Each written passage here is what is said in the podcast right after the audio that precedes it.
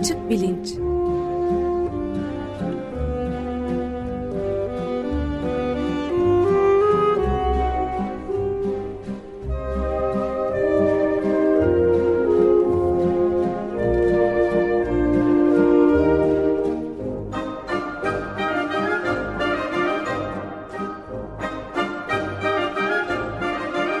Güven Güzeldere ile bilim ve felsefe sohbetleri.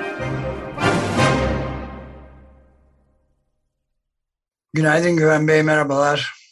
E, günaydın Ömer Bey. Günaydın. Günaydın Özdeş. Açık bilinçte felsefe konularını biraz daha sürdüreceğimiz bir üçüncü bölüm yapıyoruz değil mi? Üçüncü bölüm oluyor yanılmıyorsam.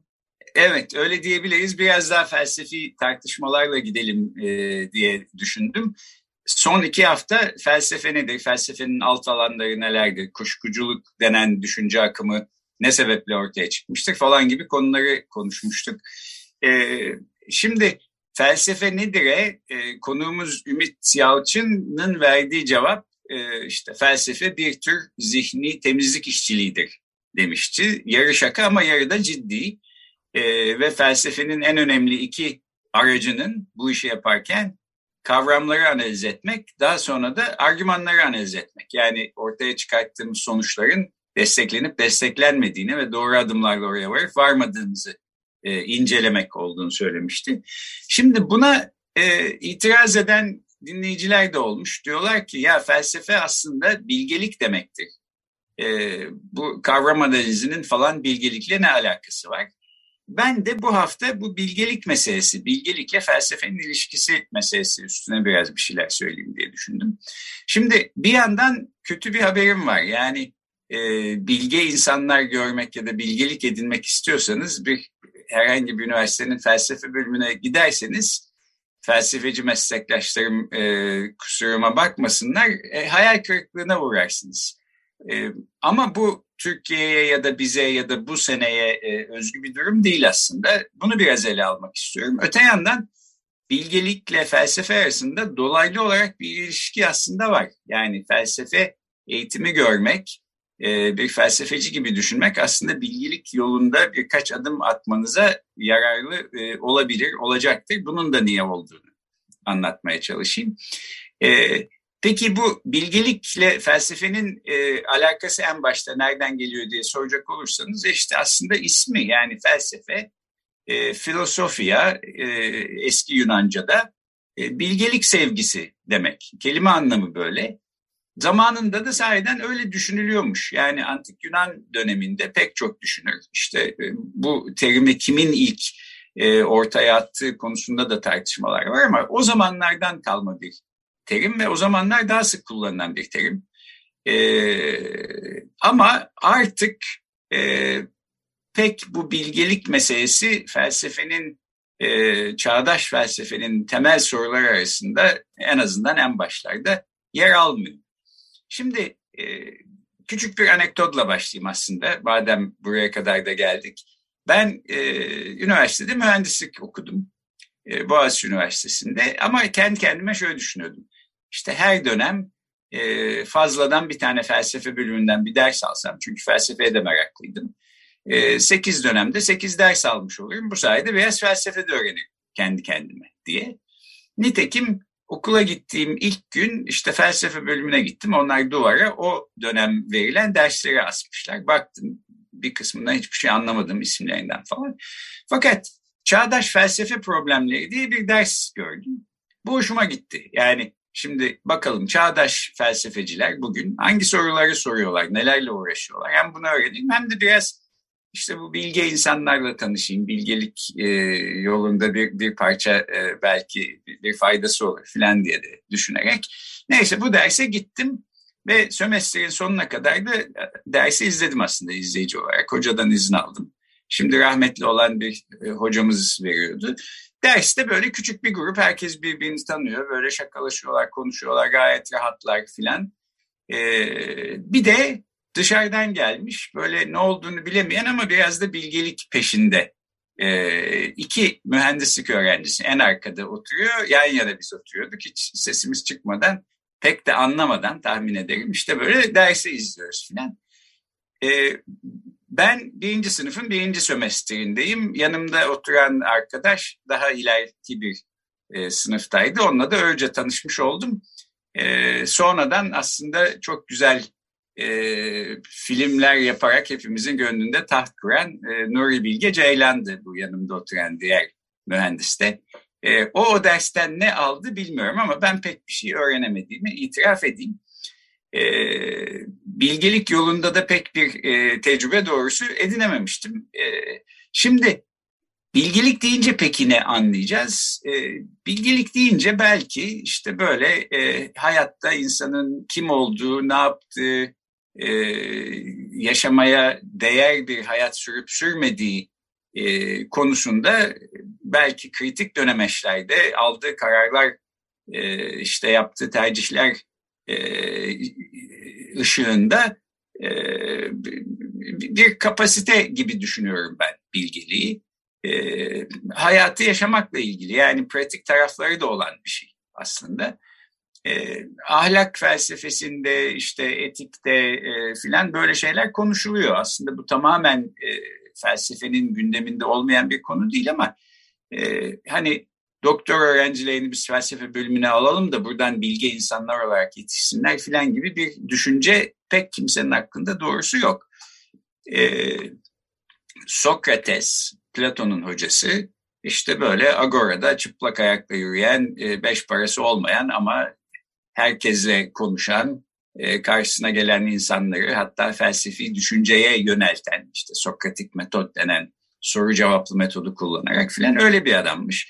E, belki ona bir tür bilge diyebiliriz. E, ama orta çağlardan başlayarak yeni çağda e, yani modernitede ya da günümüzde çağdaş felsefe literatüründe ben bilge kişi diye e, parmakla gösterebileceğim pek bir insan bilmiyorum. O tür metinlerde aslında bilmiyorum.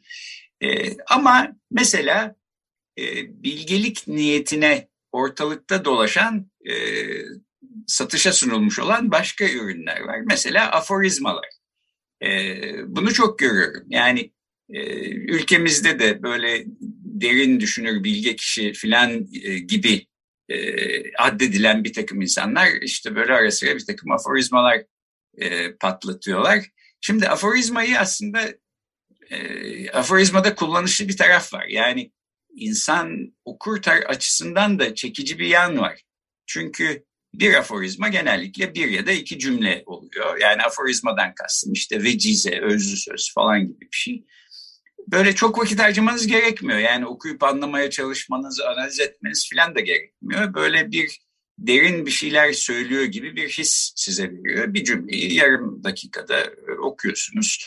Ee, yazan açısından da e, pek çok avantajları var. Bir kere yani savunmanız gerekmiyor aforizmanızı işte öylece söylemiş oluyorsunuz. İkincisi e, hele bugünlerde biliyorsunuz yani e, bizim memleketimizin vatandaşı olan bizler e, sürekli bir risk altındayız. Çok söz söylemek sakıncalı bir şey en azından riskli bir şey. Yani siyasetin en tepesinden işte böyle oraya yakışan son derece zarif dil kopartma falan gibi beyanlar geliyor. Hoşlanılmazsa söylediğimiz sözler. Ve uzun metinler yazacağımıza bir satırlık bir aforizmayla e, aradan kurtulabiliyorsak o da fena değil yani. Böyle bir avantajı da olduğunu söyleyebilirim doğrusu.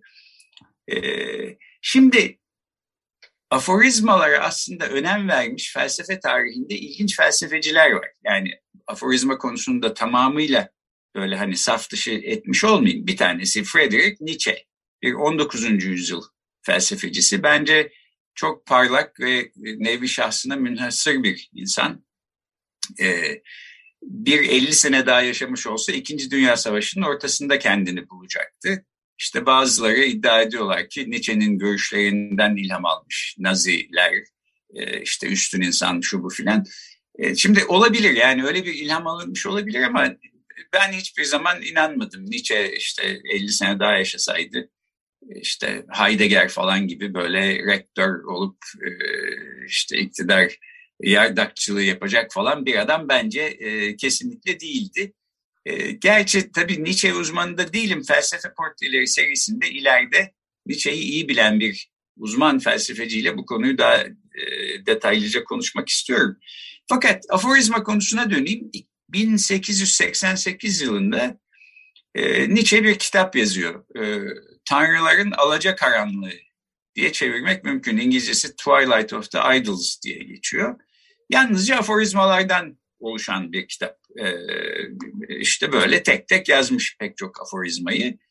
E, hatta e, bu kitabın içindeki aforizmalardan bir tanesi de çok bilinen bir aforizma haline gelmiş durumda. Ben şimdi onu size hemen buradan bulup söyleyeyim. E, en başlarda 7. ve 8. 8. aforizma aslında e, çok biliniyor. Hatta şarkı sözlerinin içine girmiş e, filan bir aforizma. Beni öldürmeyen beni ancak daha güçlü kılar cümlesi. E, eminim siz de bir yerlerde duymuşsunuzdur. Şimdi biraz bundan bahsetmek istiyorum ama şu aforizmanın aslını da e, önümde Nietzsche'nin kitabı var oradan bulayım. E, işte böyle birer satırlık, ikişer cümlelik filan aforizmalar bunlar. Mesela yedinci aforizmada diyor ki ilginç bir şey. Ne? Yani insanlık Tanrı'nın bir yanlışı mıydı?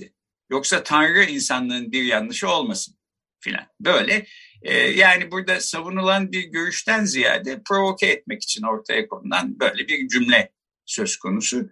Sekizinci aforizmada bundan bir sonra gelen e, beni öldürmeyen şey beni yalnızca daha güçlü kılar e, aforizması. İnsanlar çok beğenmiş bunu ve hani bir, bir tür bilgelik örneği gibi aslında düşünülerek işte şarkı sözlerine geçmiş vaziyette şu bu. Şimdi Nietzsche bir kere bu şarkı sözlerin içine bu aforizmayı alan insanlarla aynı anlamın peşinde değildi bence. Ee, dediğim gibi bu da aslında biraz benim uzmanlığımı aşan bir şey ama benim e, okumalarımdan ben böyle anlıyorum. E, ayrıca Nietzsche diyor ki yani aforizmalarla nihai bir doğruya hiçbir zaman ulaşamazsınız. Yalnız meseleyi e, yani meseleniz neyse ona temas etmiş olursunuz. E, dolayısıyla böyle bir derin düşüncelerle nihai doğruların ifade edilmesi falan gibi bir iddiası da yok. E, ama bu dediğine bakalım. Beni öldürmeyen şey ancak daha kuvvetli yapar. E, şimdi e, bu epistemolojik bir e, alçak gönüllülük örneği olarak okunsa şöyle demesi gerekirdi. Beni öldürmeyen ama yaralayan bazı şeyler benim tahmin edemeyeceğim bir şekilde beni ileride daha kuvvetli hale getirebilir. Evet böyle şeyler sahiden bazen olabilir ve biz her başımıza gelenin nasıl bir sonuca yol açacağını bilemeyiz. E, her şeyi bilen tür e, canlılar değiliz. Buna hiçbir itirazım yok ama tabii bu böyle söylenmiyor. Yani söylendiği haliyle bu aforizma son derece iddialı bir metafizik kural sanki bir doğa kanunu ifade ediyormuş gibi. Beni öldürmeyen şey ancak daha kuvvetli yapar. Yani hangi e, tarihi e, dönemde olursa olsun, kim olursa olsun, hangi koşullar altında olursa olsun Yaralandığımız zaman daha kuvvetli oluyoruz. E, e tabii öyle olmuyoruz yani. Bazen yaralanıyoruz ve sakat kalıyoruz arkasından. Daha kuvvetli falan olmuyoruz ya da bazen daha zayıf düşüyoruz. İşte moralimiz bozuluyor. Bazen sebatımız kırılıyor falan. Bu böyle yaralanmaya övgü gibi sanki e, kullanıldığı zaman bu aforizma. Yani uzaktan bakarsak e hoş bir şeymiş filan hissi belki yaratabilir ama işte burada da felsefeyle bilgeliğin aslında ilişkisine geleyim bir felsefeci gözlüğüyle biraz daha ince elekle e, öyle bir süzgeçten geçirirsek göreceğiz ki e, öyle çok ahım şahım bir e, cümlede değil. Bir metafizik iddia olarak da zaten aslında yanlış olduğu her halinden belli olan bir iddia. Niye bu kadar e, rağbette diye sorabiliriz. Bence orada işte psikolojik bir neden var. Yani e, yaralandığımız zaman böyle bir cümle duymak belki hoşumuza gidiyor. Bu beni daha da kuvvetli yapacak filan diye ama yani bu yüzden habire gidip yaralanmak falan herhalde çok e, akıllıca bir şey olmaz diye e, düşünüyorum. Naçizane benim e, felsefeci analizim böyle bu cümle hakkında. Evet, böyle bir çıkarım yapılabilir yani. Ee, evet. E, şimdi aslında bir başka aforizmadan daha bahsedeyim. O da çok e, yani e, oldum olası Türkçe'de kullanılan bir değişti ama çok çok çok sık e, duyar oldum ve herkesin ağzından her işte bir hayır vardır. Bu da bir aforizma aslında. Bir genelleme, bir genel geçer doğruluk iddiasında olan bir cümle. Şimdi bu cümleyi dini bir çerçeve içinde alırsak aslında başka türlü okumamız mümkün. Yani işte tek tanrılı dinlerde bunu daha önceki programlarda dile getirmiştim. Kötülük problemi diye bir e, derin bir problem var. Tanrı hem her şeyi bilen hem e, insanların yalnız iyiliğini isteyen ve hem her şeye gücü yeten bir varlıksa dünyada niye kötülük var? E, cevabı kolay olmayan bir soru. Buna verilen en standart cevaplardan bir tanesi dünyada aslında kötülük yok. Kötülük gibi gördüğümüz şeyler bizim eksikliğimizden dolayı. Yani işte bazı şeylerin hikmetinden sual olunmuyor. Bize kötülük gibi gözüküyor ama aslında o da iyi. Çünkü kötü bir şey olsa Tanrı onun olmasına izin vermez. E, onun olduğunu bilmemesine de Tanrı'nın imkan yok. Dolayısıyla olsa olsa iyi bir şeydir. Bize kötü gibi gözüküyordur. Bunun cevabı bu. Şimdi böyle bir çerçeve içinden konuşuyorsanız o zaman her işte bir hayır vardır diyebilirsiniz. Yani kötü gibi gözüken şeylerde bile aslında bir hayır vardır. Yalnız biz bunu göremiyoruz. Bu işte böyle bunu savunan e, ilahiyatçılara felsefe tarihinde özürcüler deniyor. Çünkü işte iki yaşında bir çocuk kanser oldu, ızdırap çekerek öldü. Bunda iyi bir şey nasıl olabilir diye e, soru birisi size sorduğu zaman bile işte vardır mutlaka bir iyilik, işte bir hayır vardır demek durumunda kalıyorsunuz. Bir anlamda bir özür pozisyonda oluyorsunuz. Fakat böyle bir pozisyonda değilseniz, yani seküler bir çerçeve içinde hareket ediyorsanız, o zaman her işte bir hayır vardır e, cümlesine niye inanasınız? Yani belki de her işte bir hayır yok. E, bazı işlerde bizim göremediğimiz hayırlı bir sonuç ileride ortaya çıkabilir demiyor. Bu da yani bir epistemolojik anlamda bizim geleceği göremememizle ilgili bir alçak gönüllü bir e, beyanda bulunmuyor. Burada aslında yine metafizik, her işte bir hayır var diye çok iddialı bir şey var. Bir felsefe metni inceliyormuş gibi masaya yatırıp incelerseniz de aslında bunun e, içi boş bir laf olduğu, inanılmaması gereken bir şey olduğu e, bence e, çok açık seçik bir şekilde ortaya çıkıyor. Yani hayır her işte bir hayır yok. E, pek çok örneği var. Hayırsızlıklar içinde boğuşuyoruz yani. Bazı şeylerde ileride bir takım öngöremediğimiz hayırlar çıkabilir ne ala. Keşke hepsinde çıksa ama öyle bir kural yok. Her şeyde bir hayır e, olduğuna dair. Şimdi bilgiliği biz eğer bunlardan ibaret, böyle bu tür genel geçer işte cümleleri e, söylemek ya da duymaktan ibaret e, filan diye düşünüyorsak e, bence eski Yunan'da anlaşıldığı anlamıyla da e, bunun bilgelikle hiçbir e, e, ilişkisi yok. Bence Nietzsche de bilgelik derken böyle bir şeyi düşünmüyordu. E, bugün felsefe bölümlerine giderseniz de bu anlamda size e, bilgelik sunacak insanlarla karşılaşamazsınız. Fakat başka bir e, yer belki önerebilirim.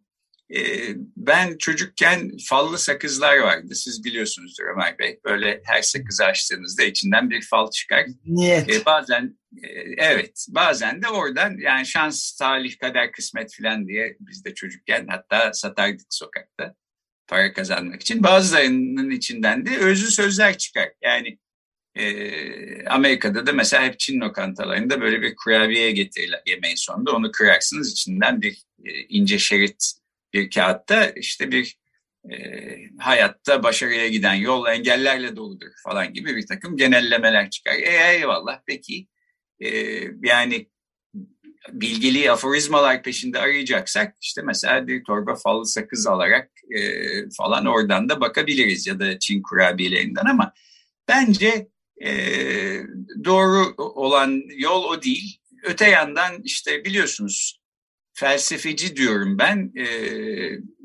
e, kimileri işte felsefeci dememek lazım, filozof demek lazım diyor. E, belki de öyle yani sosyolojiyle çalışan insanlara sosyolojici demiyoruz, sosyolog diyoruz ama ne bileyim fizikle uğraşanlara fizikçi diyoruz, tarihle uğraşanlara tarihçi diyoruz. Bence burada Türkçenin bir e, karışıklığı söz konusu. Fakat İşte mesela e, her akşam meyhaneye gelip köşe masada oturan ve ara sıra başarıya giden yol dönemeçlerle doldur falan gibi cümleler kuran e, insanlara da işte filozof Cavit falan diye isim takıyoruz. Yani o felsefeciliği onlara e, en çok yakıştırıyoruz. Dolayısıyla bu karman çormanlığın içinde e peki felsefe bize bilgelik öğretmiyor muydu filan diye sorarsak evet ortaya böyle bir e, karmaşık bir durum çıkıyor. Yani şunu söyleyerek tamamlayayım. Felsefi analizin önemi e, ne söylendiğinin böyle e, ince bir elekten, süzgeçten geçirilerek anlaşılması ve hemen e, kabul etmek yerine neye inanıp neye inanmayacağınızı bu şekilde eleştirel düşünceyle e, or, inceleyerek e, ortaya koymanız, çıkarmanız sonuçta felsefenin bugün yaptığı işin en temeli. E, felsefe öğrencisi olursunuz da böyle şeyler öğreniyor olursunuz. Bu her alanda insana lazım olan bir şey. Yani bilimde de öyle, hukukta da öyle, işte radyoculukta da öyle, her ne yapıyorsanız öyle.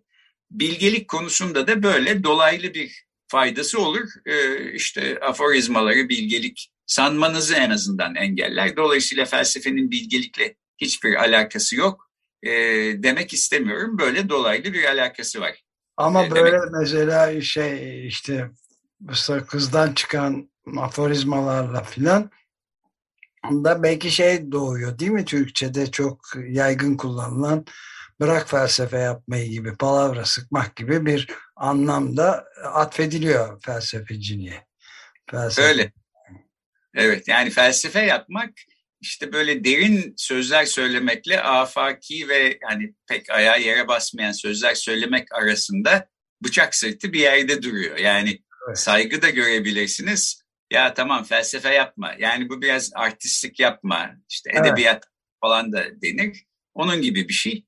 Dolayısıyla evet e, ülkemizde felsefecilik böyle e, hassas bir... E, evet, pejoratif e, bir anlamda kazanabiliyor yani olumsuz. Evet, evet aynen öyle. En son e, şunu söyleyeyim, bu e, çok e, çok satan kitaplar arasında çok uzun yıllar e, tepede kalmış filan.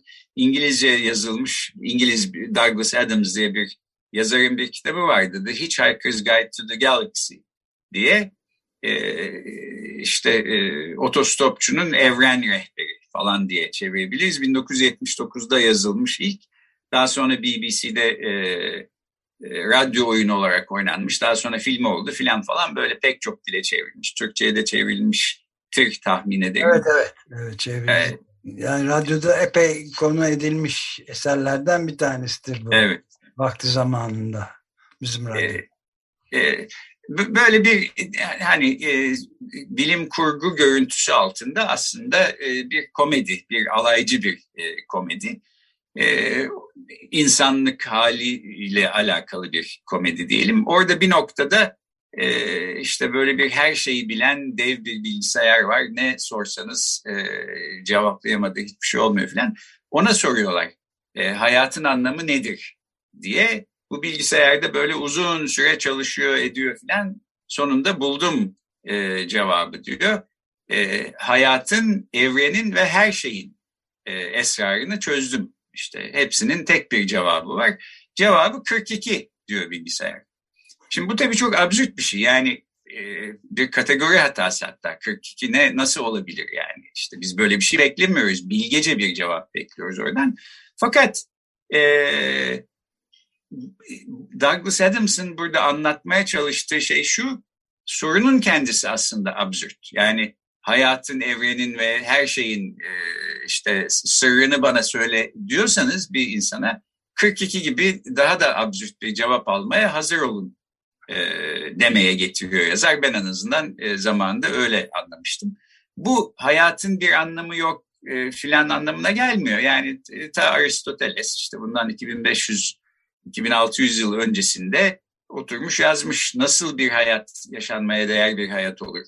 İşte iyi arkadaşlık nedir e, filan oğluna e, da hitaben aslında bir anlamda yazıyor. Evet yani bilgeliği buradan bu şekilde çıkarmak mümkün. Ama e, bunları e, iyi süzebilmek için de aslında bir kavram analizi ve argüman analizi yapmayı e, öğrenmek lazım. Bugünün felsefesinin kullandığı yöntemler hani bana işte yarım sayfalık bir metin ver, bir felsefe metni. Ben bunu okuyayım ve bilge bir insan haline geleyim falan. Böyle bir şeyler yok sahiden ama hangi metni okuyup ondan ne çıkartacağımız? Sonuçta bilgelik denen şey bence işte okuduğumuz romanlarda, dinlediğimiz şarkılarda, e, seyrettiğimiz filmlerde var. E, arkadaşlarımızla olan sohbetlerimizde var. insanlarla olan ilişkilerimizde var. Böyle bir felsefe metninde onu aramak yanlış yere bakmak gibi geliyor. Ama okuduğumuz metinleri ya da işte maruz kaldığımız tecrübeleri nasıl anlayacağımızın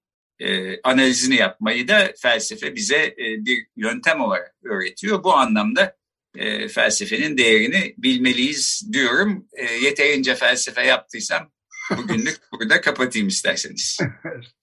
tamam çok e, iyi süresinde doğru cevap 39 olacaktı tabii. E, evet ben o e, bilgisayara bunu aktarayım. E, yanlış hesap yapmış. Teşekkür ediyoruz Ömer Bey. Çok teşekkürler. Peki görüşmek üzere sağ olun. Hoşçakalın. Görüşmek üzere.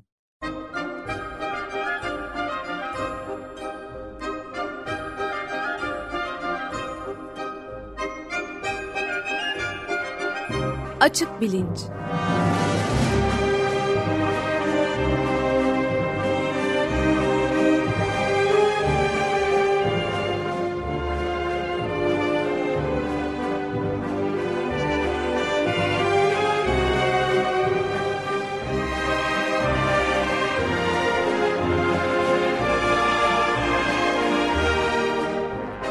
Güven Güzeldere ile bilim ve felsefe sohbetleri.